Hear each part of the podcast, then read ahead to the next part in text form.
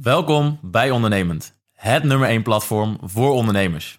Bij Ondernemend vind je alles om jezelf naar het volgende niveau te brengen en jouw bedrijf te starten of op te schalen.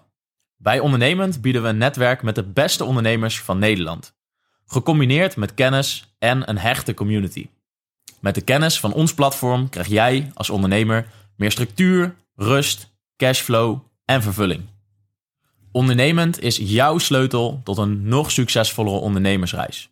Dus wil jij samen met ons jouw maximale potentieel benutten? Join dan onze community. Welkom bij Ondernemend, waar de oprechte verhalen van anderen jou inspireren om meer uit jezelf te halen. Bij Ondernemend vind je echte gesprekken vanuit oprechtheid en openheid. Ondernemend betekent zelfeducatie, groei en op zoek gaan naar jouw waarheid. Erachter komen wie je in de kern bent. De dualiteit in onszelf leren te erkennen. Je grenzen opzoeken en verleggen.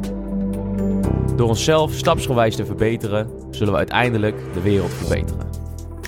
Wij bewandelen ons eigen pad. Wij zijn ondernemend. Loop jij met ons mee?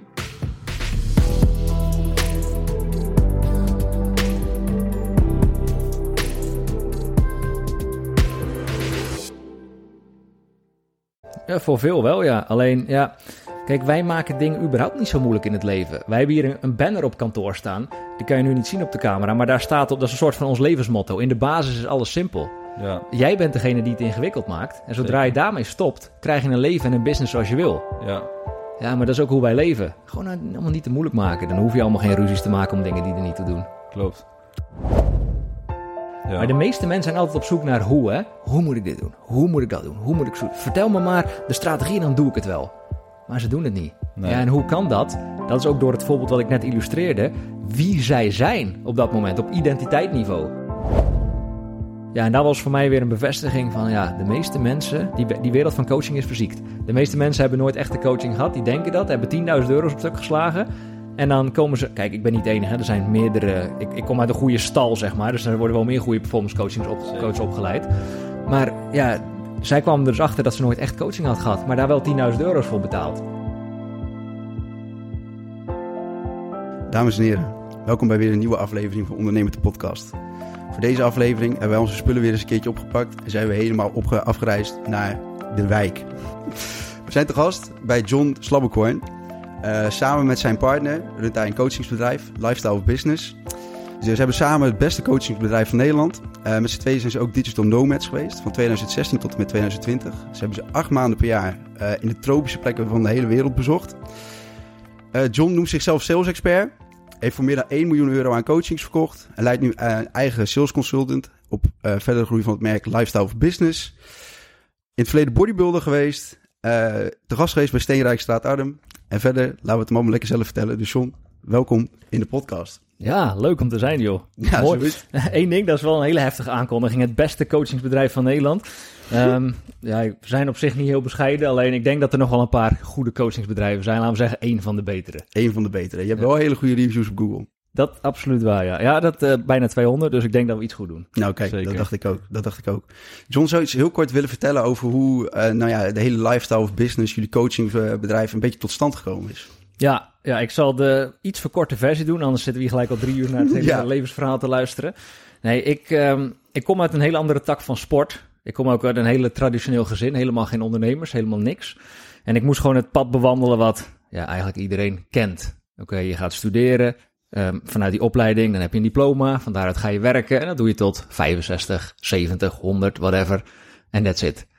Dus eigenlijk deed ik dat ook. Dus ik ging civiele techniek studeren. Dat is bruggen bouwen, tunnels bouwen. Ja. Eh, Hogeschool Rotterdam. Want ik kom uit die kant, ik kom uit Hoekse Waard. Met het idee om van daaruit in de betonbouw als uitvoerder aan de slag te gaan. Dat was het hele idee. Dat is Ja. compleet wat anders dan coaching. Ja, inderdaad. Ehm, ik deed dat, een jaar of vier en half, vijf heb ik dat gedaan. Veel geleerd, ook echt met aansturen van mensen. Een stukje leiderschap wel geleerd, alleen paste me niet helemaal meer. Alleen, ik moet wel het echte, het echte verhaal vertellen. het was ehm, voor mij begin 2015. Ik kom thuis van mijn werk en ik was altijd van half zes ochtends tot half zes 's avonds van huis. Flinke dagen. Ja, dat waren de beste dagen. In de tussentijd hadden wij op de plek waar we nu zitten, was vroeger onze sportschool. Dat was toen twee keer deze ruimte. En hadden we onze eigen sportschool. Jeanette, mijn, eh, mijn vrouw inmiddels alweer een geruime tijd. We zijn 16,5 jaar samen. die, eh, die was diëtist, die had een eigen praktijk. En ik hielp al regelmatig mee met haar bedrijf. Er werd steeds drukker. Dus ik kom thuis. Ze zegt, eh, John, ga even zitten. Ik denk, oh, zwanger of zo, weet ik veel. ja, ja, je weet het niet. Nee. En die zegt, eh, weet je, het wordt tijd dat je stopt met je vaste baan. Oh, oké.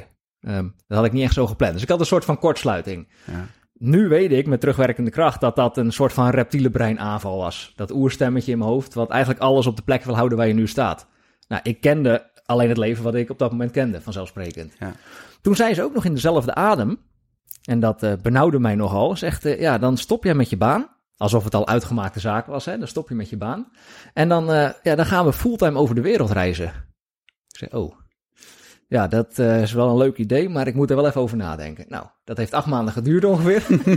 toen heb ik mijn baan opgezegd. Dat was december 2015. Toen ben ik gestopt. Twee dagen later zaten we in het vliegtuig naar Bali. Laptopje mee, backpackjes gekocht en zo. Om van daaruit gewoon te gaan ervaren hoe het is om locatie onafhankelijk te ondernemen. Ja, en dat was het begin eigenlijk van onze ondernemerscarrière. Tenminste, Jeanette was altijd al ondernemer, ik dus niet. Van daaruit moest ik mijzelf ja, een rol gaan ontdekken.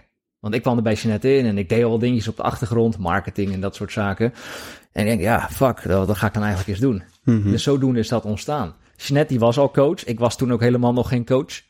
Dat eerste jaar, 2016, ik heb echt eh, nou, dagen gemaakt die vergelijkbaar waren met de dagen in de bouw. Alleen dan zeven dagen per week.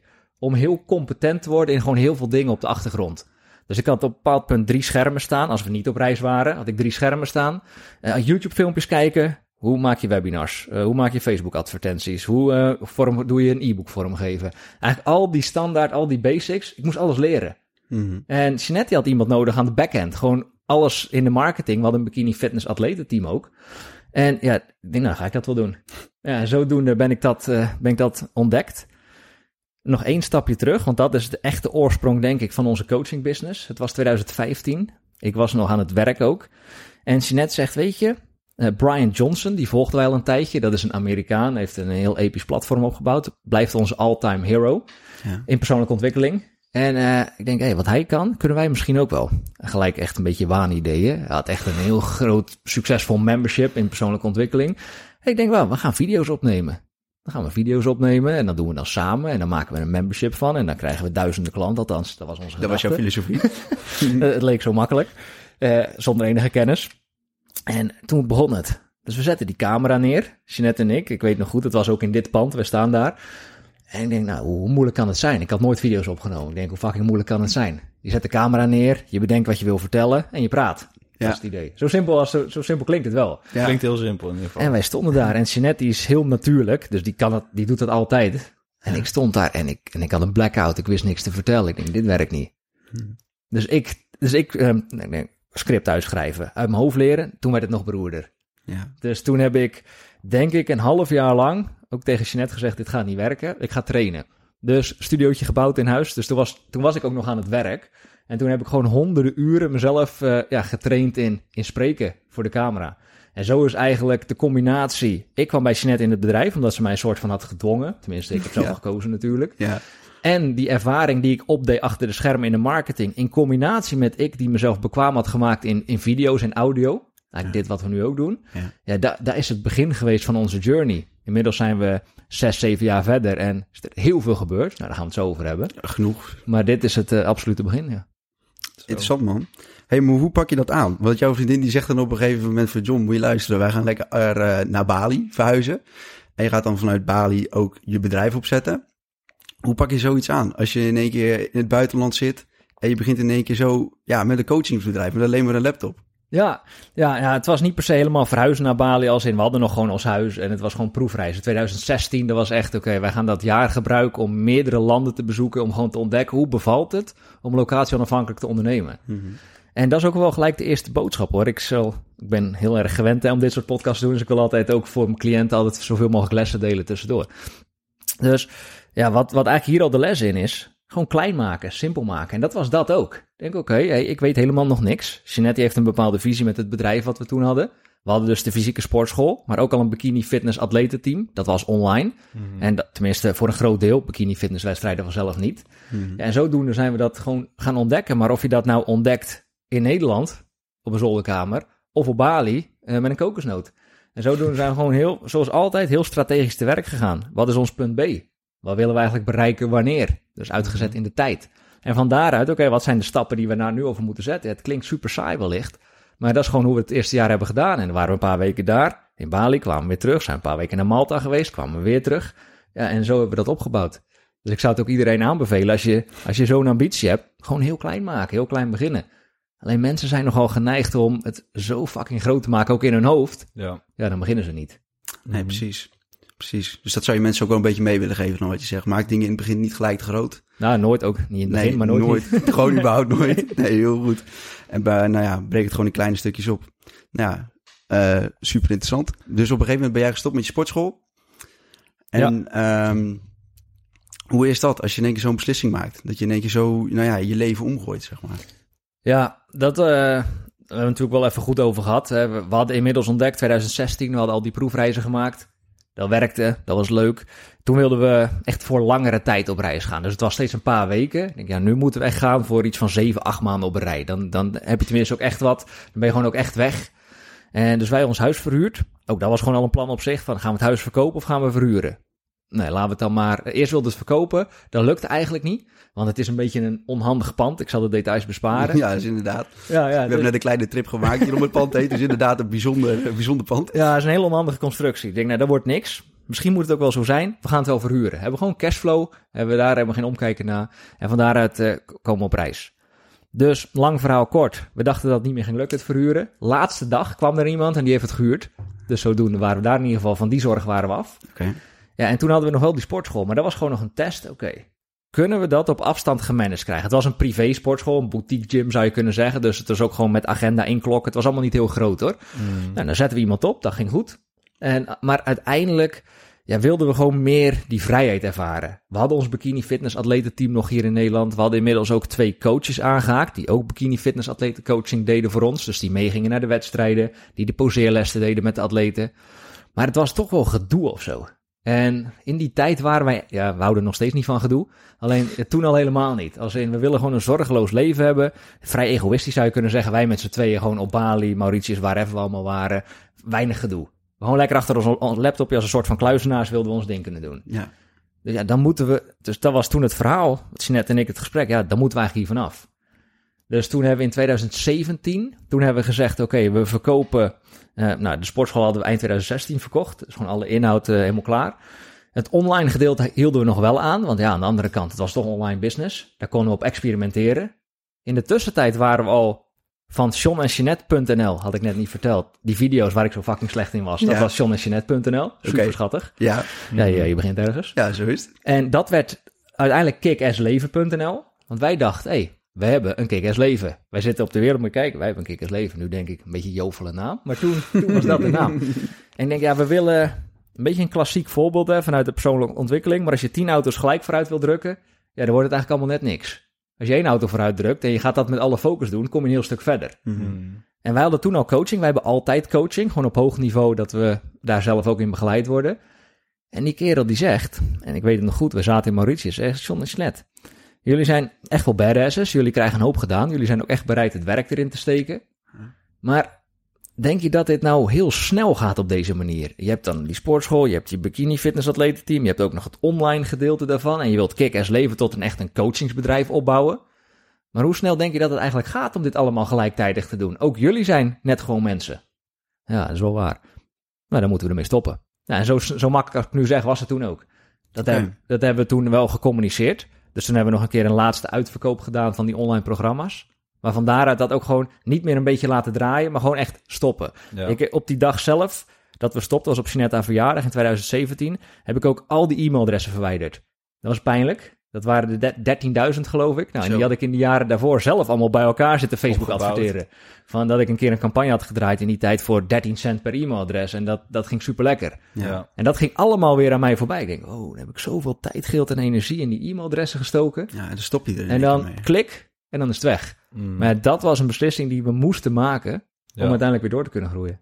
Dus dat is eigenlijk gewoon langzaam een beetje zo gegroeid. Eigenlijk niet per se in één keer dat jullie dachten, nou laten we hier maar mee stoppen. Maar langzaam kwamen jullie steeds meer dingen tegen. En toen dachten we, oké, om zelf ook die focus te behouden, is dit wel een ding wat we uiteindelijk moeten afstoten. Ja, ja, we kwamen gewoon tot het besef, willen wij echt, echt gewoon goede coaches worden als, als coach. Maar daarmee ook echt een bedrijf opbouwen. Dus niet alleen een, een coach die johnslabbecorn.nl claimt en in zijn zolderkamertje gaat zitten coachen. Maar echt gewoon een bedrijf bouwen.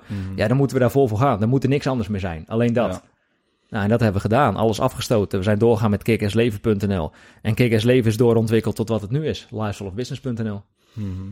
Dus ook een beetje als je nee zegt tegen het ene, zeg je daarmee ook weer ja tegen het ander. Dus weet je, kies. Ja, ja, exact. Want ik zat de ene dag mailtjes te typen namens Jeanette voor bikinifitness.nl. Was toen onze do- domein. Ja. En de andere dag zat ik weer mailtjes te typen namens kickersleven.nl. Wat weer een hele andere doelgroep is. Ja. Dat is gewoon niet handig. Nee. Maar nou ja, je bent dan dus eigenlijk best wel van de een op de andere dag in één keer op de coaching, in de coaching terechtgekomen. Van, vanuit, je, vanuit je partner, vanuit je vriendin. Hoe ontwikkel je, vrouw, ja, destijds vrouw, vriendin. Ook, maar, ook al vrouw. Echt waar? Dus Hoeveel, hoe, hoe snel zijn jullie getrouwd dan? Eh, we zijn 8,5 jaar getrouwd. We zijn, Oké. eh, ja, Maar dus ja. voordat jullie zijn gaan reizen, was het al, eh, waren jullie al... Ja, ja, we zijn op Hawaii getrouwd in 2014. Dus toen was ik nog gewoon in Oh, vaste ja. dienst. Oké, Ja, toen waren we 23 en 24 of zo. En we waren 15 en 16 toen we samenkwamen. Dus. ja. Kijk, nou ja, dat soort dingen, dat hoor je niet vaak meer. Nee, Jullie zijn best nee. wel, eh, best wel eh, nou ja, eh, hoe moet je het zeggen, onderscheidend. Ja, nou, maar dat is echt zo, ja. Dat, eh, dat hoor je echt niet vaak meer. En wat, dat- die vraag krijgen we ook wel eens van... Hè, jullie zijn zo lang samen, een soort van samen opgegroeid... zou je kunnen zeggen, 15, 16. Eigenlijk 24-7 samen, zeker toen we op reis waren. Hoe hou je dat eigenlijk überhaupt voor, joh? Een eigen bedrijf samen en alles samen. Ja, en we doen het gewoon. Echt nooit ruzie. Nooit. Nee. Maar we versterken elkaar perfect. Ja, nou, dat is knap. Dat is knap. Want vooral als je samen ook nog in een bedrijf zit, dan maakt het wel extra intens, denk ik. Voor in ieder geval een hele hoop stellen Ja. hoor je in ieder geval altijd wel, ja, dat brengt wel ook weer een bepaalde uitdaging met zich mee. Ja, voor veel wel, ja. Alleen, ja... Kijk, wij maken dingen überhaupt niet zo moeilijk in het leven. Wij hebben hier een, een banner op kantoor staan. Die kan je nu niet zien op de camera. Maar daar staat op, dat is een soort van ons levensmotto. In de basis is alles simpel. Ja, Jij bent degene die het ingewikkeld maakt. En zodra Zeker. je daarmee stopt, krijg je een leven en een business zoals je wil. ja, Ja, maar dat is ook hoe wij leven. Gewoon nou, allemaal niet te moeilijk maken. Dan hoef je allemaal geen ruzies te maken om dingen die er niet toe doen. klopt. Nou ja, wel heel mooi. Want nou ja, weet je, het is wel zo, als jij als zo jong bij elkaar komt, dan ontwikkel je allebei natuurlijk wel, nou ja, op een bepaalde manier. En jullie zijn, eh, ja, durf ik wel te zeggen, best wel buitenbeentjes. Want nou ja, weet je, jullie doen niet hetgene wat, wat iedereen doet, zeg maar. Nee. En dan is het wel, nou ja, heel mooi dat je toch zo, toch eh, allebei op je eigen manier groeit, maar dan toch ook wel weer een beetje naar Ja. elkaar toe. Zeker. Dus, nou ja, dat vind ik wel, eh, nou, respect, netjes. Ja, dank je. Maar ehm, wat ik eigenlijk wil vragen, van hoe ontwikkel jij jezelf dan als coach? Weet je, als je eerst altijd een sportschool gehad hebt en ja, in de bouw gewerkt hebt, dan Ja. kom je wel in één keer in iets heel anders terecht. Dus Zeker. hoe, hoe pak je dat aan? Ja, ja het, is, het is natuurlijk niet van de een op de andere dag gegaan dat ik denk... oh, wat zou ik eens gaan doen met mijn leven? Oké, ik word business en performance coach. Ja, dus Zonder dan- enige vorm van ervaring. En dan ga ik daar maar eens een heel hoog bedrag voor vragen. Want dat, hoort, dat schijnt dan goed te zijn, hè? Ja. High-end coaching. Nee, nee, nee. nee. Dat zie je wel vaak tegen. Ik wou zeggen, die verhalen hoor je wel. Ja, nee, nee, zeker. Maar daar, daarom zeg ik het natuurlijk ook. Maar Ja. nee, zo is het niet gegaan. Nee, het is gewoon echt heel geleidelijk, heel natuurlijk gegaan. Toen ik stopte met mijn baan, toen... Nou, dat is nog wel leuk om te vertellen. Ik dacht soms al wel eens, toen ik nog werkte als uitvoerder, van... Ah, voor mij heb ik mijn roeping gemist. Ik moet misschien iets gaan doen met een psycholoog of zo. Want heel vaak heb ik diepgaande gesprekken op het werk. Komen mensen bij mij en zo. Nooit wat mee gedaan. Ja. En, en eigenlijk doe ik dat, ja, niet als psycholoog natuurlijk. Maar nu doe ik dat werk wel. Dus ik denk dat er al wel wat was. Dat er al een zaadje was geplant. Mm. Alleen, ja, dat is echt pas gaan komen toen 2017, toen Kick-Ass Leven echt wel een beetje een vogelvlucht begon te nemen. Wij kregen er steeds meer de vraag van, hey, hoe doen jullie dat? Jullie zijn altijd op reis, jullie vliegen business class, dus eh, eh, dure huizen, volgens mij verdien je ook wel wat. En dat was ook zo, het was ook niet om, het was meer voor ons eigen comfort dan om te tonen naar de buitenwereld. Eh, nu doen we dat ook helemaal niet meer. Toen hadden we blijkbaar nog ons ego in de weg zitten om dat te laten zien. Maar we kregen wel steeds meer vragen. Hey, kun je ons daar misschien bij helpen? Want wij zouden dat ook wel willen. Toen was onze doelgroep ook best wel locatie-onafhankelijk ondernemers, digital nomads.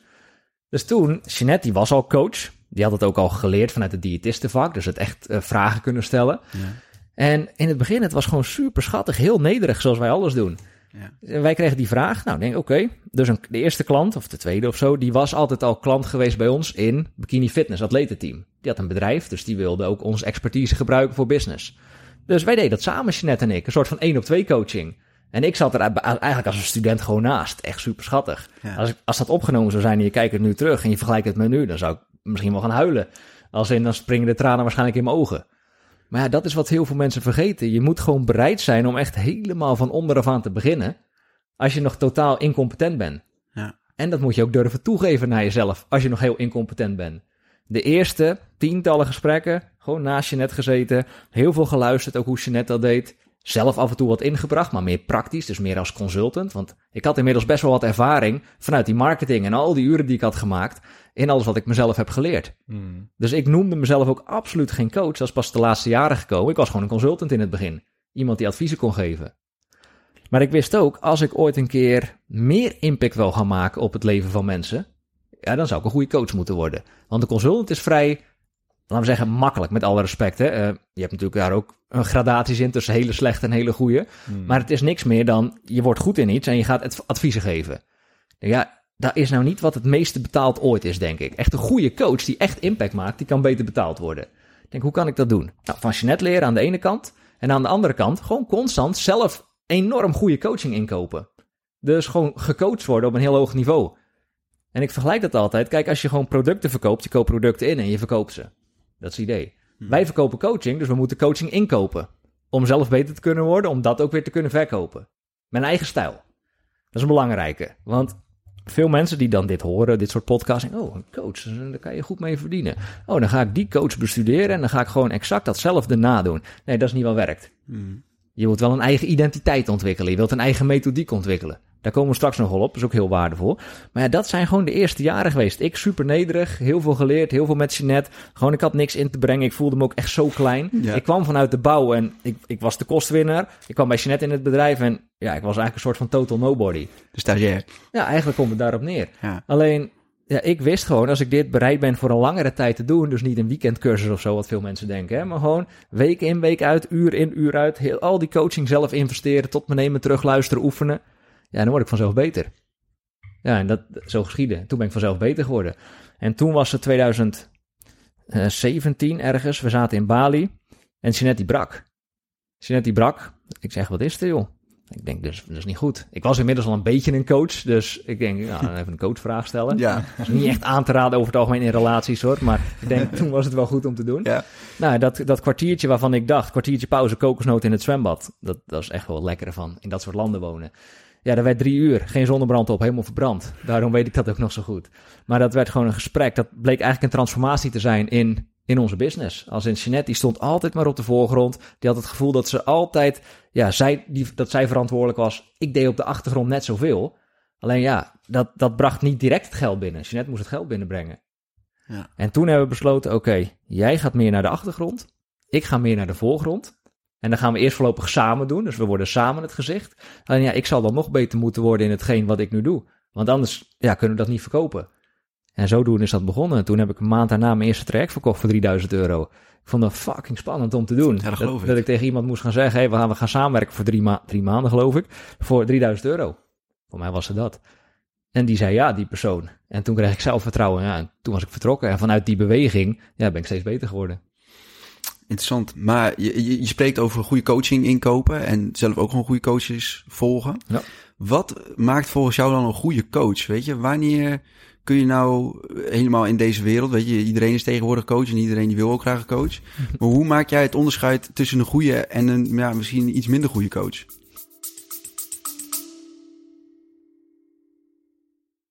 Welkom bij Ondernemend, het nummer 1 platform voor ondernemers. Bij Ondernemend vind je alles om jezelf naar het volgende niveau te brengen en jouw bedrijf te starten of op te schalen. Bij Ondernemend bieden we een netwerk met de beste ondernemers van Nederland. Gecombineerd met kennis en een hechte community. Met de kennis van ons platform krijg jij als ondernemer meer structuur, rust, cashflow en vervulling. Ondernemend is jouw sleutel tot een nog succesvollere ondernemersreis. Dus wil jij samen met ons jouw maximale potentieel benutten? Join dan onze community. Ja, dat is allereerst eh, je onderzoek doen van tevoren. Dus wat kan je vinden van een coach? En dan niet zomaar hey, hoeveel mooie Instagram plaatjes heeft iemand of zo. En eh, voor welke Lambo, gehuurde Lambo staat hij nu weer? Nee, dat doet heel weinig. Hmm. Je moet achter competentie zien te komen van iemand. Een goede coach, kleine kanttekening, maar over het algemeen een goede coach, die heeft dingen gepubliceerd. Die heeft bijvoorbeeld een boek geschreven, die heeft een YouTube-kanaal met video's, eh, die, die doet sprekingen, die is in podcast-interviews of zo. Dus ik zou zeggen, eh, ga niet direct, oh ik heb een coach nodig. Ja, coach, oké, dan ga ik die bellen, ga ik die direct, nee. Nee, je wilt eerst wat onderzoek doen. Misschien ook twee, drie mensen spreken. Kijk, als je na de eerste beste denkt, hey, dit is het, ik heb zo'n goede klik en die, die is echt goed in wat hij doet, die heeft me vragen gesteld die nog nooit iemand heeft gesteld, ja, dan weet je voldoende. Ik ga, moet je even op onthouden, ik ga zo een heel mooi voorbeeld geven van eerder dit jaar. Iemand die bij mij is aangehaakt, die in het gesprek kwam, maar uiteindelijk ze zei, nee, ik, kom, ik wil geen coaching, ik ga ook geen coaching afnemen. 80 minuten later zei ze ja op een traject. Dat kan gebeuren. Die heeft, die heeft dus, en, en daarom vertel ik dit, die heeft daarvoor allemaal coaches gehad, wat geen coaches bleken te zijn. Dat bleken eigenlijk veredelde consultants te zijn. Want dat was, zij had nog nooit die vragen gekregen van haar eigen coaches, die ik haar al stelde in dat eerste gratis gesprek. En dat is een hele waardevolle. Je wil dus eerst kijken, hey, waar resoneer ik mee? Dus je gaat op zoek naar content die mensen hebben gepubliceerd. Zit daar diepgang in of is het heel dun? Is het heel erg tekstboekkennis of merk je, daar zit wel echt diepgang in? Dan ga je kijken op Google hoeveel reviews er staan. Of op, maar Google raad ik altijd aan. Ja, als daar nul reviews staan, of er staan er twee en dat zijn drie sterren, ja, dat zegt vaak ook al iets. Die combinatie, als je dan denkt, nou, daar vind ik wat van. Nou, dan kan je of inschrijven op een weggever als je het wat langzamer wil doen. Of je denkt, nou, fuck it, ik plan gewoon een gesprek in. En je gaat in gesprek. En in, in dat gesprek ga je zelf ook gewoon vragen stellen. Bijvoorbeeld, hey, wat is je eigen track record? Wat heb je zelf gepresteerd op een bepaald vlak, afhankelijk van het type coaching? Zou een goede vraag kunnen zijn. Maar vooral observeren, wat voor vragen stelt die coach eigenlijk? Hoe diep gaat die coach? Of is hij vooral zelf aan het vertellen over hoe goed hij wel niet is of zo? Of hoe goed zijn methode wel niet kan werken? Of is die persoon oprecht geïnteresseerd in jou? Ja, dat zijn een paar belangrijke keypoints die ik mee kan geven. Dus echt goed onderzoek doen eigenlijk van tevoren. En ook door, doorvragen en ook bijvoorbeeld naar kijken... oké, wie heeft hij al eerder gecoacht? En dat je daar een keer contact mee zoekt. En dat je dan aan die kant ook gaat kijken... oké, eh, ja, welke kant laat dat ook zien? ja, ja absoluut. En, en dat is wel het minste wat je kan doen. En kijk, uiteindelijk hou ik wel van speed of implementation. Dat onderzoek, dat hoeft allemaal geen vier maanden te duren of zo. Als je weet van, ah, ik denk dat ik nou wel eens een keer hulp kan gebruiken. Ja, dan ga je gewoon een avondje zitten en dan weet je het ook wel. Plan je een paar gesprekken in binnen een week en ja, je bent vertrokken. Ja, Oké. Maar wil ik toch nog even iets verder op doorgaan? Ja. Want ook wel weer, toch wel weer wat je ook vaak van coaches hoort. Van ja, kijk, weet je, ehm, ik snap hoe het werkt. Ik kan het jou ook vertellen. Maar als het voor jou niet werkt, dan ligt het aan je eigen instelling. je mindset, hè? Ja, weet je, dat hoor je heel vaak. En dan denk ik altijd, ja, weet je, dat is wel lekker makkelijk. Ja. Maar ja, weet je, op zo'n manier kan zo'n coach zich natuurlijk ook altijd wel een beetje schoonpraten. Ja. Wat is dan eigenlijk, wat is dan de cruciale rol van een coach? Dat je dan toch, ehm, ja, hoe zou ik het zeggen? Het beste uit zo'n persoon kan halen zonder dat je meteen zegt van ja, weet je, als het voor jou niet werkt, dan ligt dat aan jou. Ja, eh, dat is sowieso, je zou kunnen zeggen, redelijk zwak als iemand dat zegt. Iemand is, zoals wij dat noemen binnen Lifestyle of Business, direct een joker op tafel aan het gooien. Ja. Als in, ja, hey, eh, inderdaad, als het niet werkt, ja, dan, kijk, het heeft bewezen gewerkt voor mij en dan ligt het aan jou. Dat, dat is ten eerste al zwak. Dus als, als iemand dat überhaupt zegt, dan is dat een red flag, wat mij betreft. Mhm. Daar wil je eigenlijk al van wegbewegen. En ja, wat kan ik er nog meer van zeggen? Ik denk dat het goed is om even uiteen te zetten het verschil. Ik heb daar een heel mooi blogartikel over geschreven. Het verschil tussen een coach, een therapeut, een mentor en een consultant. Ja, dat vind ik een hele goeie. Daar begint het al mee. Ja. Dus je wilt eigenlijk weten, wat, wat is eigenlijk een coach? En wat is dan het verschil met een consultant en een therapeut? En dan eigenlijk ook nog een mentor. Een mentor is het meest simpele. Dat is eigenlijk iemand die is vaak ook al wat ouder.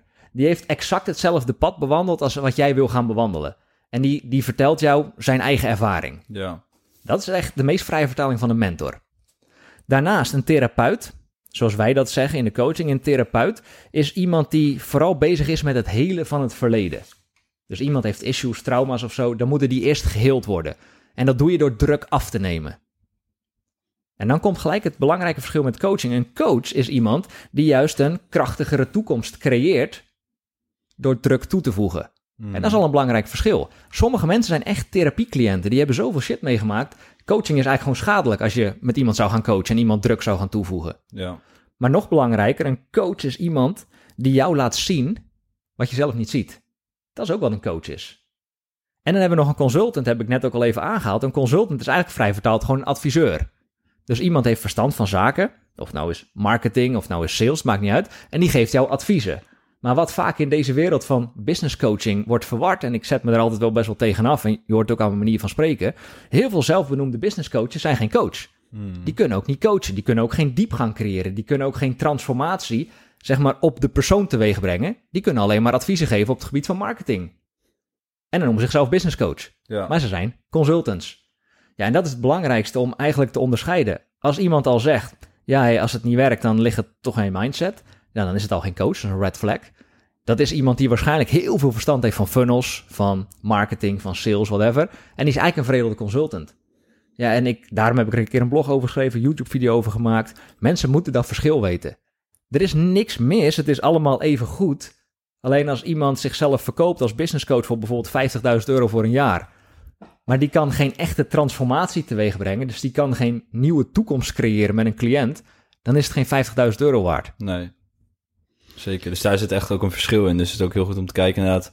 Ja, wat, heb je, wat heeft zo iemand ook nodig en wat, be- wat ben je eigenlijk ook? Want inderdaad, sommigen die zeggen bijvoorbeeld ik ben coach, maar die zijn inderdaad meer aan de therapiekant of meer mentorkant of adviesgeefkant, maar niet per se echt een coachkant inderdaad die druk toevoegt op de juiste punten. Ja, en die eigenlijk mensen gewoon confronteert of eigenlijk hun eigen bullshit laat inzien. Ja, Dus niet vooral heel veel praten in een sessie, maar eigenlijk heel weinig praten in een sessie. En net die paar luisteren. vragen stellen.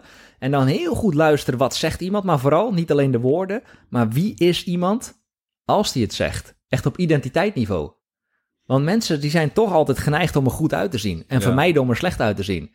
Dus stel, ik zit met jullie in een coaching sessie en ik creëer wat diepgang.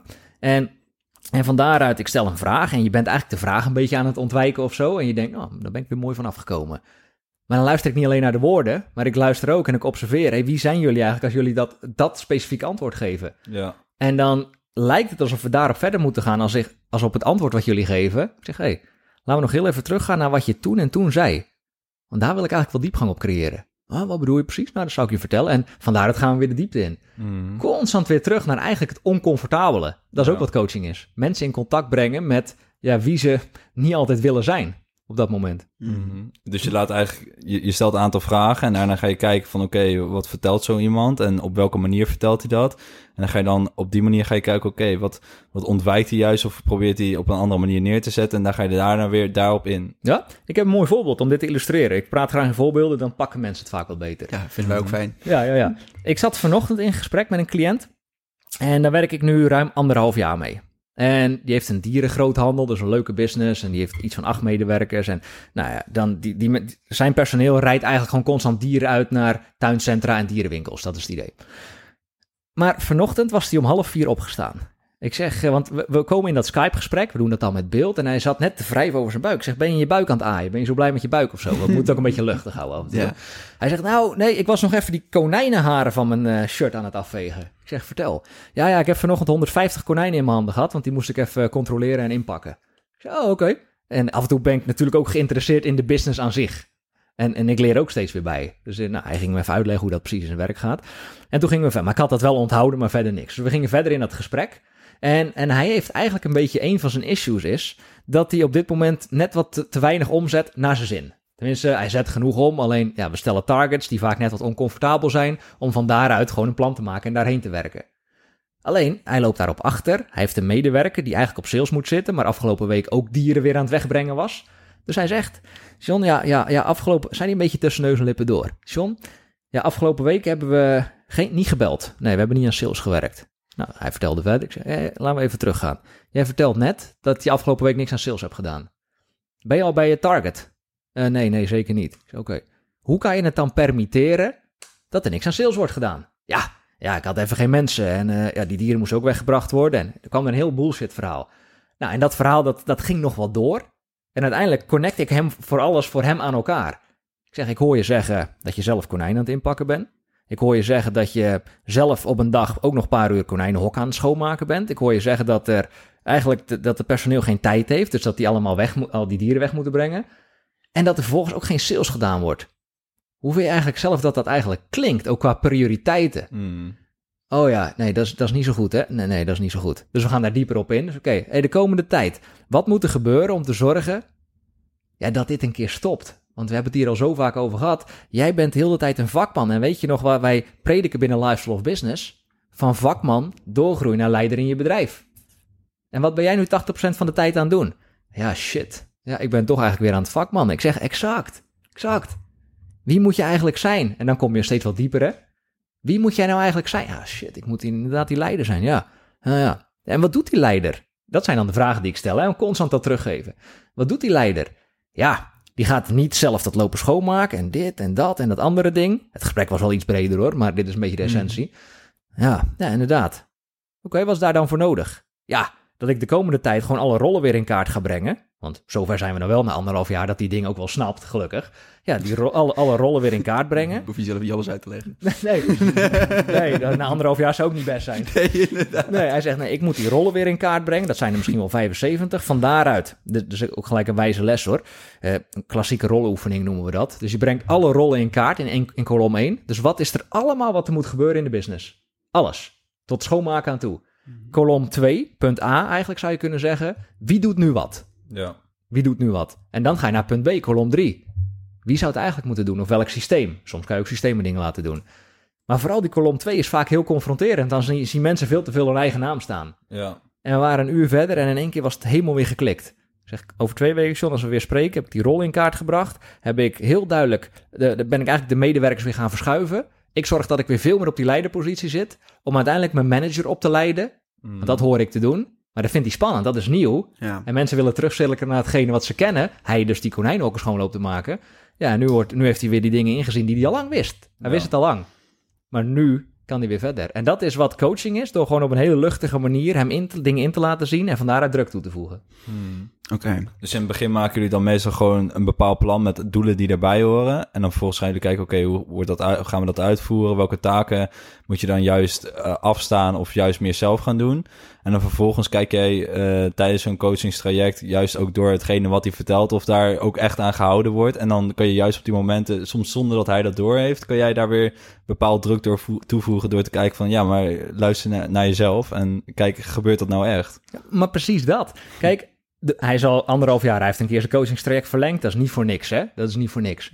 Dus de hoe, de strategie, die weet hij eigenlijk allemaal wel. Ja. Maar de meeste mensen zijn altijd op zoek naar hoe, hè? Hoe moet ik dit doen? Hoe moet ik dat doen? Hoe moet ik zo... Vertel me maar de strategie en dan doe ik het wel. Maar ze doen het niet. Nee. Ja, en hoe kan dat? Dat is ook door het voorbeeld wat ik net illustreerde. Wie zij zijn op dat moment, op identiteitsniveau. Ja, en dat is een taak van een echte performance coach. En dat is ook de kern van mijn werk. Iemand daarmee in contact brengen. Want dan pas kan er echt, zeg maar, transformationeel wat veranderen. Mm. Want anders blijft alles hetzelfde. Je leert de cliënt eigenlijk een beetje zichzelf kennen. Ja. Ja, interessant. Hey, en wat is voor jou dan een, een, een goede cliënt? Want je noemt net allemaal verschillende dingen, een therapeut, performance coach, van alles en nog wat. Maar wat is nou voor jou dan ook goede criteria dat je zegt van, hé, met deze mensen, daar kan ik wat mee? Nou, allereerst, ze moeten coachbaar zijn. Als iemand niet coachbaar is en iemand heeft niet echt een verzoek voor coaching, ja, dan moet je er eigenlijk voor wegblijven. En daarnaast, eh, zeker voor één op één trajecten, de kern van mijn werk, ja, iemand moet wat gaande hebben. Wat ik daarmee bedoel, ja, als iemand eh, nu, eh, weet ik veel, 18 jaar is, die denkt, hé, hey, ik zou wel willen gaan ondernemen. Ik heb eigenlijk nog geen idee wat ik wil doen, maar misschien iets met dropshippen of eh, verkopen op bol.com of whatever. En die gaat dan eens googlen en die komt dan toevallig bij ons wellicht. Denk het niet hoor. En die, die wilde met mij in gesprek. Ja, daar ga ik niet eens meer mee in gesprek. Nee, is- Dat, die heeft niks gaande. Kijk, die persoon die ik net vertelde, die heeft acht medewerkers of zo, of, of tien in, in totaal. Eh, die draait 1 tot 1,5 miljoen omzet. Ja, en die heeft een heel team wat allemaal gemanaged moet worden. Ja. Ja. dan is er ook echt wat gaande. En ik werk ook het liefst niet met coaches. Want dat zie je vaak, hè? Coaches, Ja, coaches die elkaar coachen. Ja.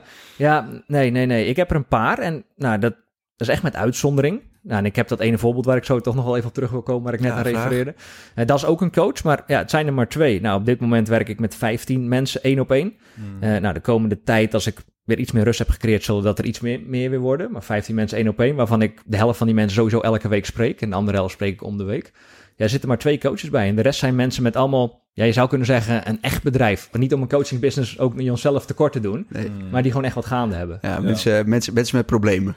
Ja, ja, ja eigenlijk wel. Nou, Maar het is goed. natuurlijk ook wel belangrijk als jij eh, als coach wil je natuurlijk aan bepaalde knoppen kunnen draaien om, het, eh, om een business beter te laten draaien of een pe- persoon beter te laten draaien. En als iemand nog iets niks gaande heeft, ja, dan wordt het ook heel lastig om, om al aan knoppen te gaan draaien en te, te gaan kijken, oké, wat kan je beter doen? Nee, exact. Ja, en dan kan je nog weer op de persoon gaan coachen. Alleen ja, die investeringen zijn ook niet gratis. Nee. En ja, dan is het eigenlijk ook weer te moeilijk om rendement te maken op de euro's. Wat we eigenlijk ook willen in zo'n traject natuurlijk. Dus eh, ja, daar hebben we dan weer kleinere programma's voor. Maar nee, gewoon coaching. Iemand die vaak een echt bedrijf heeft. Kijk, van vakman naar leider is ook niet voor niks ontstaan. nee. Dat is echt ontstaan vanuit de gedachte, hey, mensen ja, die vakman zijn. En dat kan heel letterlijk zijn. En toen we het bedachten was het meer de kappers en echt dat soort bedrijven. Nou, daar werken we dan niet te veel meer mee. Ook weer een ander type cliënt. Die willen vaak niet gecoacht worden en hebben vaak ook geen geld. Mm. Ja, je kan ook weer niks verdienen aan mensen die geen geld hebben. Zo Nee. simpel is het ook. Dus te duur voor ze. Ja, dus- maar gewoon inderdaad gewoon eh, ja, echte mensen, volwassen mensen die wat gaande hebben. Ik hoorde je trouwens, eh vond ik nog wel even interessant om op terug te komen. Ik hoorde je eh, zeggen dat je, dat je vroeger heel veel business class vloog toen je net een, be- net een beetje lekker begon te lopen. En toen noemde je even kort van, ja, toen moest ik misschien nog net wat meer mijn ego laten zien en dat is nu een beetje weg. Ja. Hoe is, dat, eh, hoe is die vordering bij je gegaan? Want heb je echt gemerkt inderdaad, als je erop terugkijkt, dat je toen in die tijd dat het net wat lekkerder ging lopen, dat je ook wat meer moest, misschien wat mee moest pronken, om wat ook wat meer ja, te laten zien als bedrijf zijn of als persoon zijn. En hoe is die verandering gegaan?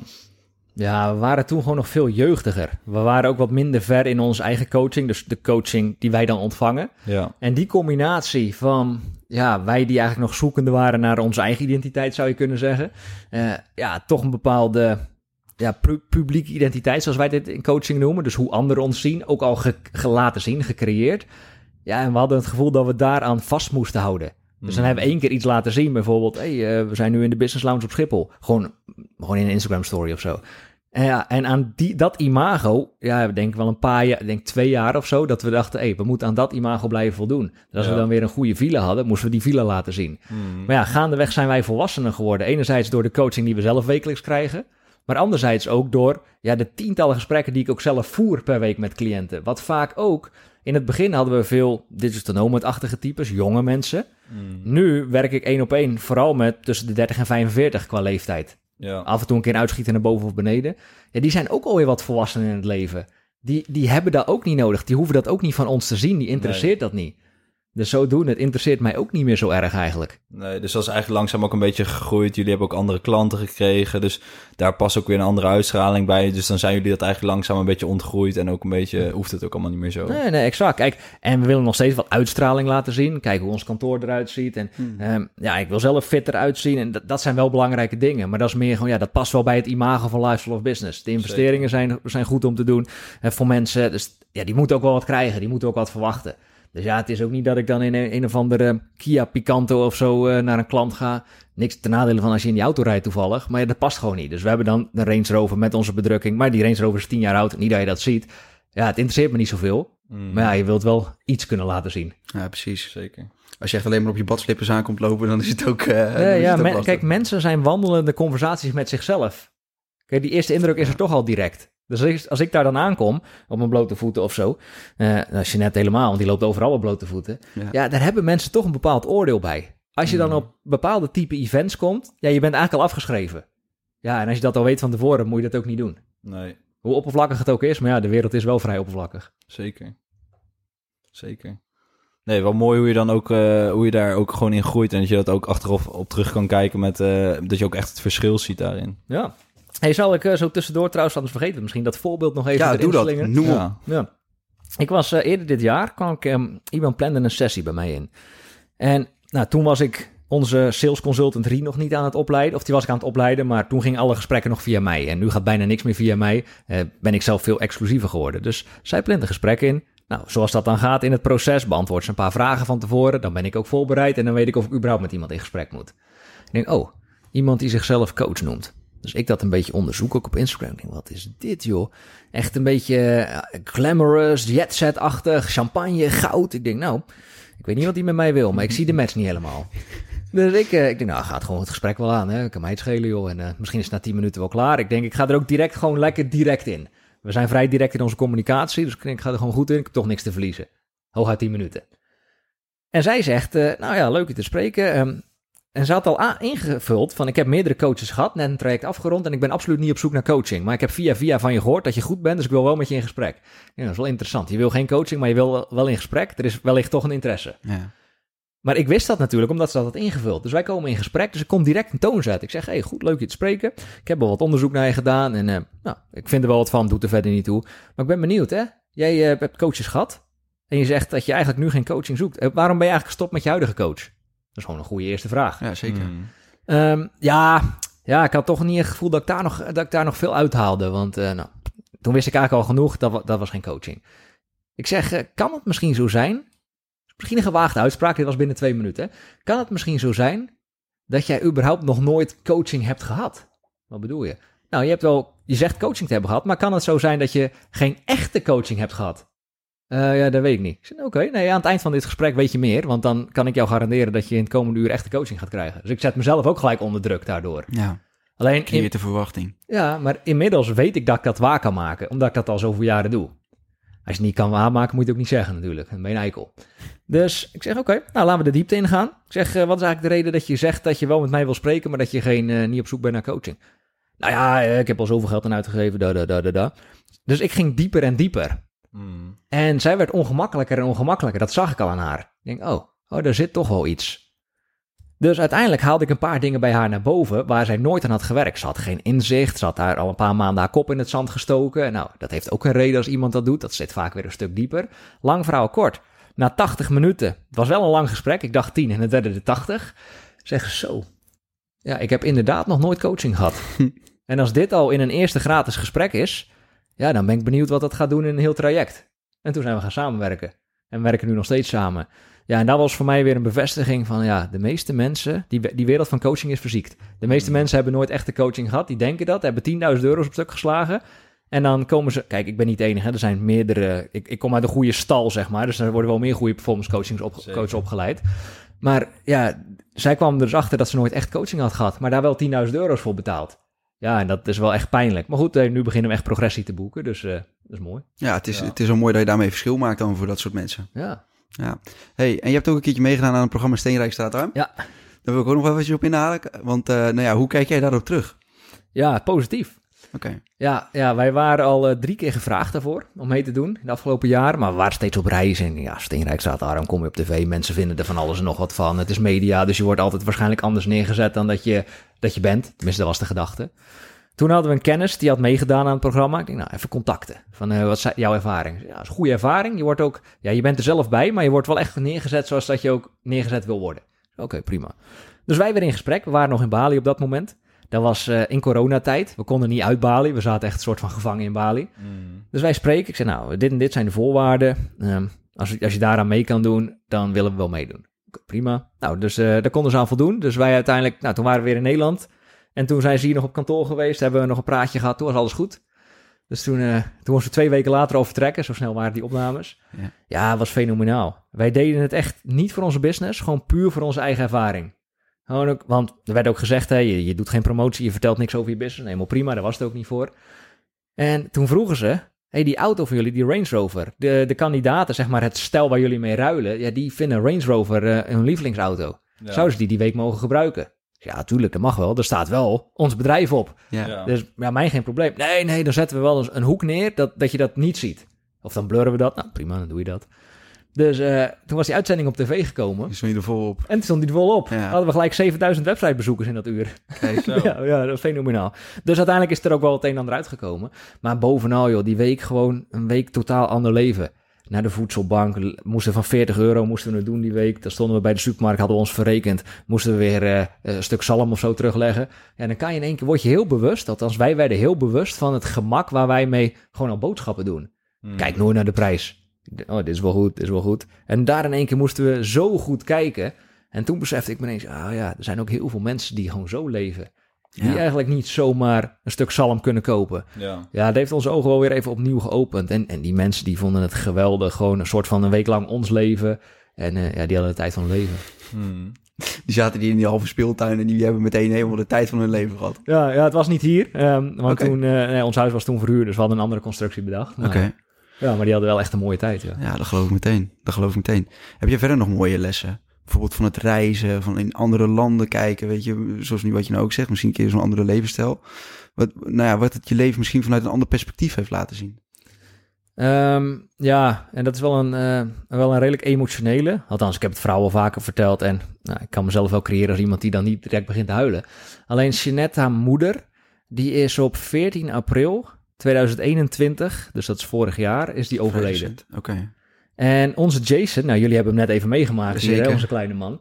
Die is op 27 april in diezelfde maand geboren. Ja. Dus dan, dan weet je al, dat is een complexe periode. Ja, is Eh, intens. Ja, dat was, dat was heel intens. Jeanette, haar moeder, die, eh, die, die heeft hier altijd gewoond en altijd haar winkel gehad. En eh, in het pand waar we nu zitten. Nou, ik ken haar natuurlijk, haar moeder, al zolang als dat ik hier kom, vanaf mijn zestiende. Dus ook een soort van tweede moeder geworden. Die kreeg in 2018 kanker. Dus het, het is best wel een verhaaltje, maar er zitten wel wijze lessen in. zeggen, ja. Eh, 2018 kreeg hij kanker. Wij waren toen net in between reizen. Wij waren net in Nederland en we woonden zelfs bij Jeanette ouders op de boerderij. Zij woonde toen in een boerderij. Toen kwam de dokter en eh, ze liep al een tijdje slecht en die kwam met slecht nieuws. Zeg, je hebt eh, uitgezaaide kanker, we weten nog niet wat voor kanker, maar het ziet er niet best uit. Nou, verder onderzoek bleef uitgezaaide borstkanker te zijn, door het hele lichaam heen. De, de heupbot was alleen maar verbrijzeld en zo. En eh, ja, ja, de kans is eh, ja, groot dat je het eind van het jaar niet haalt. Dat werd toen gezegd, 2018. Wij hadden net onze reis geboekt naar Hawaii, want we zouden met de familie naar Hawaii gaan, waar wij toen vijf jaar eerder getrouwd zijn. Ja. Wij zijn in 2014 getrouwd met z'n tweeën. En uiteindelijk eh, hadden we toen al gezegd, in 2019, 3 januari, staan we hier met z'n tienen. Want dan gaan we het opnieuw doen, maar dan nemen we jullie mee als cadeau. Geloofde nooit iemand. Nee. Dat, hebben we toen, eh, maar, eh, dat hadden we toen net geboekt. En toen kreeg ik te horen, Jeanette, de moeder heeft kanker, die gaat het waarschijnlijk niet overleven. Toen hebben we alles op alles gezet. Jeanette vooral, die heeft naast Lifestyle of Business in de nacht heeft ze alleen maar zitten studeren over kanker. Hmm. Om niet alleen maar zich neer te leggen bij zeg maar, wat we kennen van de ja, geneeswijze hier in de ziekenhuizen. Ook maar kijken. ook alternatief.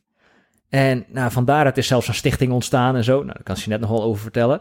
Eh, maar Jeanette, haar moeder, is er zo in vast gaan bijten. Ja, dat werd weer beter en beter. En uiteindelijk werd ze weer fitter en fitter. En toen stonden we daar op 3 januari 2019 met z'n allen op het strand van Kauai. Hebben die reis gewoon alsnog gemaakt. Ja, en dat was sowieso al een eerste, ja, ook wel een emotioneel moment dat we daar, want we wisten natuurlijk wat die maanden daarvoor afgaand aan was gebeurd. Hmm. Dat was al een eerste les ook voor onszelf van fuck man. Ten eerste, je kan zomaar een, je doodvonnis krijgen. Ja. Dus ja, je wilt ook niet te lang wachten met gaan leven, zou je kunnen zeggen. Maar ja, daarna, die kanker was niet over. Die kanker was niet over. Het werd wel steeds beter, totdat het februari van 2021. Toen kreeg ze de, de melding, of eind februari. Ja, het is nu uitgezaaid naar de hersenen. Echt best wel onverwacht. Eh, ja, we kunnen niks meer voor je doen. En toen was het ook echt, we kunnen niks meer voor je doen. ja. Maar Jeanette was toen hoogzwanger, op dat moment 7,5 maand of zo. Eerste kleinkind ook nog eens. Heel heftig. Ja, dat is, dat is redelijk fucked up. En toen kwamen we erachter, en sommige mensen vinden ons een robot, maar toen dacht ik, hé, hey, al die investeringen, al die coachingen van de afgelopen jaren, die hebben nu ook echt nut gehad voor ons als persoon. Hmm. Want Jeanette, die, moest, nou, die, die wilde al niet meer even in het bedrijf, die wilde al niet meer coachen, die wilde voor haar moeder zijn en voor onze ongeboren Jason. En toen heb ik gezegd, oké, jij moet zoveel mogelijk naar je moeder gaan. Dan was hij dan 10 kilometer vandaan. Ik regel de rest allemaal wel. En dus overdag was ik gewoon badass in business. Ik bleef gewoon trainen, want ik, ik, weet, ik moet fysiek fit blijven om dit ook te kunnen trekken. En dan na de business, of nadat ik gesprek had met cliënten, ging ik weer heen. En dan was ik er ook. En dan schakelde ik van eh, overdag gewoon de coach John. Cliënten hadden daar, merkte er helemaal niks van. Ja, ik vertelde er wel over, maar meer ook als ik er nu over vertel, met wijze lessen. Hmm. S'avonds was ik gewoon de beste man die je kan zijn, de beste schoonzoon die je kan zijn. Ja, en dat hebben we gedaan tot het einde. En dat was toen 14 april. En eh, vijf dagen of drie dagen later of zo was de uitvaart. En exact een week, dus Jeanette die deed een afscheidsspeech met ja, zo'n dikke buik, hartverscheurend. En van daaruit eh, ja, konden we ons nog één week voorbereiden op de bevalling. En die bevalling die ook 72 du- uur duurde, door waarschijnlijk door alle stress. Ja, dat, was, dat was ook al ehm, ja, niet mooi. Want Mm. toen waren we in het ziekenhuis voor die bevalling. Dat moest uiteindelijk in het ziekenhuis. En ja, waarschijnlijk door alle stress kwam het maar niet op gang. Ja. En toen, toen lag Jeanette daar in dat ziekenhuisbed en ik was er vanzelfsprekend bij. En alle alarmbellen gingen af, vrij letterlijk in het ziekenhuis. Ze werd helemaal wit en haar bloeddruk en haar hartslag daalde. En Jeanette lijkt nogal op haar moeder. Dus ik zag eigenlijk weer een flashback van... Ik heb letterlijk Jeanette haar moeder zien overlijden, Hmm. twee weken daarvoor. En ik zag eigenlijk hetzelfde beeld. Van Jeanette die was aan het baren van ons kind. En ik moest aan de kant. En ja, die artsen kwamen daar, want ze moest weer een soort van opgelapt worden. En ik denk, oh my god. Ehm, ja, maar ik kon er niks mee. Dus ik werd ook niet echt in paniek, maar het was niet leuk. Nee. Nou, en, en toen later, hè, toen alles is goed gekomen. Dus dat is ook wel het mooie van dit verhaal. Althans, ja, Jeanette en moeder natuurlijk niet, maar Jeanette zelf wel. Ja, en, en nu zijn we weer een tijd verder, hebben we er veel over gesproken, kunnen we het relativeren. Maar ja, de echte les die hier voor mij in zit, sindsdien ben ik eigenlijk veel meer, nog meer gaan leven. Ja. Want toen was het eigenlijk alleen maar, oké, focus op werk, op, op, of op- ook wel op eigen dingen. Maar nog veel meer gefocust op, ja, eigenlijk minder nog gefocust op gewoon het hier en nu. Hmm. En Leven het, ervaren. en het kan zo om zijn. ja. En toen kwam onze Jason aan. Toen werd ik natuurlijk ook wat meer tot stilstand gebracht. Om ook, ik wil ook hem zien opgroeien. Nou, toen hebben we geïntroduceerd dat ik de woensdag met hem ben. En de zondagochtend. En zo Ja. zie ik hem ook heel vaak. Maar eigenlijk door die hele periode ben ik gewoon anders naar het leven gaan kijken. Minder egoïstisch als het ware. Minder gefocust in het hier en nu. Maar gewoon, of ook wel weer gefocust in het hier en nu. Maar gewoon, ja, het kan zo gebeurd zijn. Waarom zou ik nog wachten tot mijn 65ste of zo? Weet ik veel. Mhm. Ja, ik- Jeanette moet er 53 geworden. Die heeft dat nooit gehaald. Dus dat is niet het mooiste verhaal misschien. Maar er zit Nee, maar nou ja, er zit, wel, er zit wel wat je zegt, er zit een hele mooie les in verstopt. Weet je, het leven is eindig. Ja. En dat is niet leuk, maar het is wel hoe het is. Ja, ja en, en dat is het. En Ja, en dat heb ik gezien. En die laatste weken waren we op zich ook wel weer heel mooi. Dat we veel als familie samen waren, veel kunnen spreken. En, en uiteindelijk ook Jeanette en moeder de mooiste laatste week kunnen geven in zo'n situatie. Ja, en dat kan dan ook weer door onze business, omdat we dat zo hebben ingericht. Dat we die vrijheid kunnen ervaren.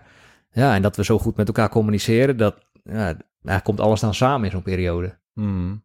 Zeker. Dan zie je in één keer wel van al die jaren waar je toch aan hebt gewerkt. Kun je, ja, mensen noemen dat misschien als een robot, maar ja, het is toch wel, het houdt je er wel op, op de been, zeg maar. En dan andere mensen zouden misschien in zo'n situatie juist, ja, eenmaal, eenmaal zelf ook helemaal in de stress schieten en zelf ook helemaal niks meer kunnen. En zo zie je wel dat, dat al die jaren ervaring toch wel zin hebben gehad, ook in die zin. Ja, en, en dat is het. En om dan nog de brug te maken naar eigenlijk het hoofdtopic van vandaag, hè, wat is dan ook eigenlijk een goede coach? Kijk, ehm, op het moment dat wij voor hele snelle geld zijn, zo kan ik het wel goed uitleggen. Als wij jaren geleden hadden gedacht, hé, hey, we gaan voor de, voor de quick bucks. Zoals je veel ziet, hè. Even dropshippen, cursusje volgen en dan weer 10.000 euro's in korte tijd verdienen. Dat verandert ons als persoon niet. Nee. Dan hebben we een gevulde bankrekening, maar die is vaak ook net zo makkelijk weer leeg. In de kern zijn wij niet veranderd. Het is zelfs vaak nog leger na die tijd. Mhm. De kern van het werk voor onszelf, maar ook met de cliënten waar wij mee werken, is altijd gefocust op wie iemand is als persoon. En om dat fundament krachtig te krijgen, en dat hebben we dus ook bij onszelf gezien, dan, dan kan er zo'n levensingrijpend iets gebeuren. Alles kan ons dan afgenomen worden, maar in de kern zijn wij gewoon die krachtige personen. En dat is ook waar we mensen mee helpen. Ja, en dat is denk ik het meeste waard van alles, want al dat geld kan je weer opnieuw terugverdienen. Zeker. Maar ja, wie jij in de kern bent, eh, of niet bent, ja, dat is een stuk lastiger. Ja, die ontwikkeling is gewoon veel meer waard. Ja. Zeker. En nu hebben jullie al aardig wat opgebouwd als coachingsbedrijf. En hebben jullie inmiddels ook een eh, ja, vaste strategie ontwikkeld en alles. Ja. Eh, wat zie jij voor in de toekomst nog? Hebben jullie nog bepaalde doelen of bepaalde, een bepaalde visie die jullie graag willen uitwerken? Of, of hoe kan me dat voorstellen? Ja, dat is een mooie vraag. Daar hebben we wel vaker vanzelfsprekend over nagedacht. Het is een paar keer een beetje geswitcht, maar eh, we willen eigenlijk dit nog wat verder gaan uitrollen, ook in het buitenland. Niet zozeer internationaal, maar wij hebben nu, ja, je hebt het hier gezien, hè? we hebben buiten een ijsbad en een jacuzzi en een grot. En je kan het eigenlijk zo gek niet bedenken. De meeste mensen hebben het niet. Nee, dat klopt.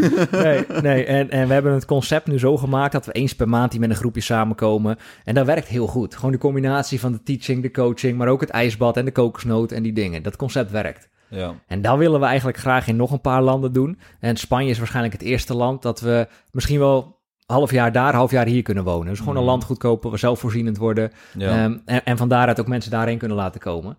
Eh, dat is een, en één die is wel heel, ja... eh, Ambitieus. ja, ambitieus badass zou je kunnen zeggen. Hebben we altijd al gezegd. En die is er stiekem nog steeds. Dat we uiteindelijk toe kunnen werken naar onze eigen business lounge op Schiphol. Het merk leent zich ervoor, Lifestyle of Business. We hebben Ja. onze eigen koffers, maar dat is nu voor onze cliënten. En, en later willen we die ook gewoon misschien wel echt eh, in de markt gaan zetten. Het logo, de stropdas en de slipper is best wel een leuk logo. Ja. toen de tijd over nagedacht. Qua branding. Ja, dat is wel een, echt een heel veel verder doel. Maar goed, we zijn nog jong. En als het ons gegeven is, dan hebben we ook best wel een hele hoop tijd. Ehm, ik, ik weet niet wat erbij komt kijken. Het is meer van, hey, het lijkt ons heel erg tof. Maar ja, dat is een beetje een wat verder doel. Maar eerst maar eens in het hier en nu gewoon een, een coaching imperium opbouwen. ja. Ja, vet man. Dat is sowieso een mooie, eh, ja, mooi toekomstbeeld. Ja. En dan hebben we eigenlijk altijd nog eens afsluiten. Dat is misschien niet helemaal een relevante vraag voor nu, want je hebt echt al zo mega veel verteld, zoveel mega veel lessen. Maar we vragen eigenlijk altijd, als je nou één les aan de luisteraar mee zou willen, eh, willen geven, wat is dat dan? Ja, je hebt misschien al gehoord. Ik eh, kan er zo honderd vertellen. Ja, nou dat kan je wel zeggen inderdaad. Ja. Maar ja, hij staat hier op papiertje, dus ik denk ik gooi hem toch even. Ja, nou ja, eigenlijk is de meest belangrijke, dat is misschien wel de meest simpele ooit. Ik heb hem ook al verteld. Maak het allemaal niet zo fucking moeilijk. Ja. Dat is het. De meeste mensen die overdenken heel veel, die komen vanuit een bepaalde controle en ze komen niet echt in beweging. Mm. Dus als je het gewoon simpel maakt en van daaruit ook in beweging komt, ja, dan ga je feedback verzamelen. En dan gaan de dingen plaatsvinden. Ja, en ik kan duizend lessen bedenken, maar die schiet me nu als eerste in mijn hoofd. Gewoon simpel houden. ja, Mm. vet man. Hartstikke goed. Cheers. Ik ben hem begonnen. Dan is het nu aan jou de eer om hem af te sluiten. Nou, John of John, wij willen jou hartstikke bedanken in ieder geval. We hebben ook zelf weer wat mogen leren. En Ja, ik denk dat de luisteraar ook in ieder geval genoeg heeft kunnen leren. Ehm, nou ja, dan willen we als eerste ook de luisteraar bedanken natuurlijk. En ehm, vooral als je onze aflevering leuk vindt, deel hem even. Eh, stuur hem naar je vrienden. En als je ons heel leuk vindt, dan mag je doneren. Ja, dat kan via onze website. Er staat ook een linkje in. Oh, dat alle kan ook nog, joh. Ja, Zeker. Heel graag zelf. We hebben nu alles zelf gefinancierd. Dus Ja, zeker. Dat zou heel eh, fijn zijn. John, hartstikke bedankt.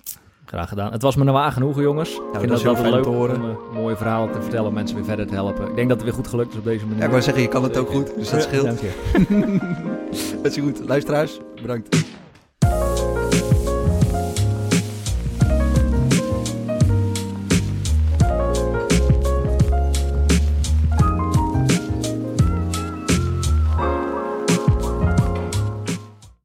Welkom bij Ondernemend, het nummer 1 platform voor ondernemers. Bij Ondernemend vind je alles om jezelf naar het volgende niveau te brengen en jouw bedrijf te starten of op te schalen.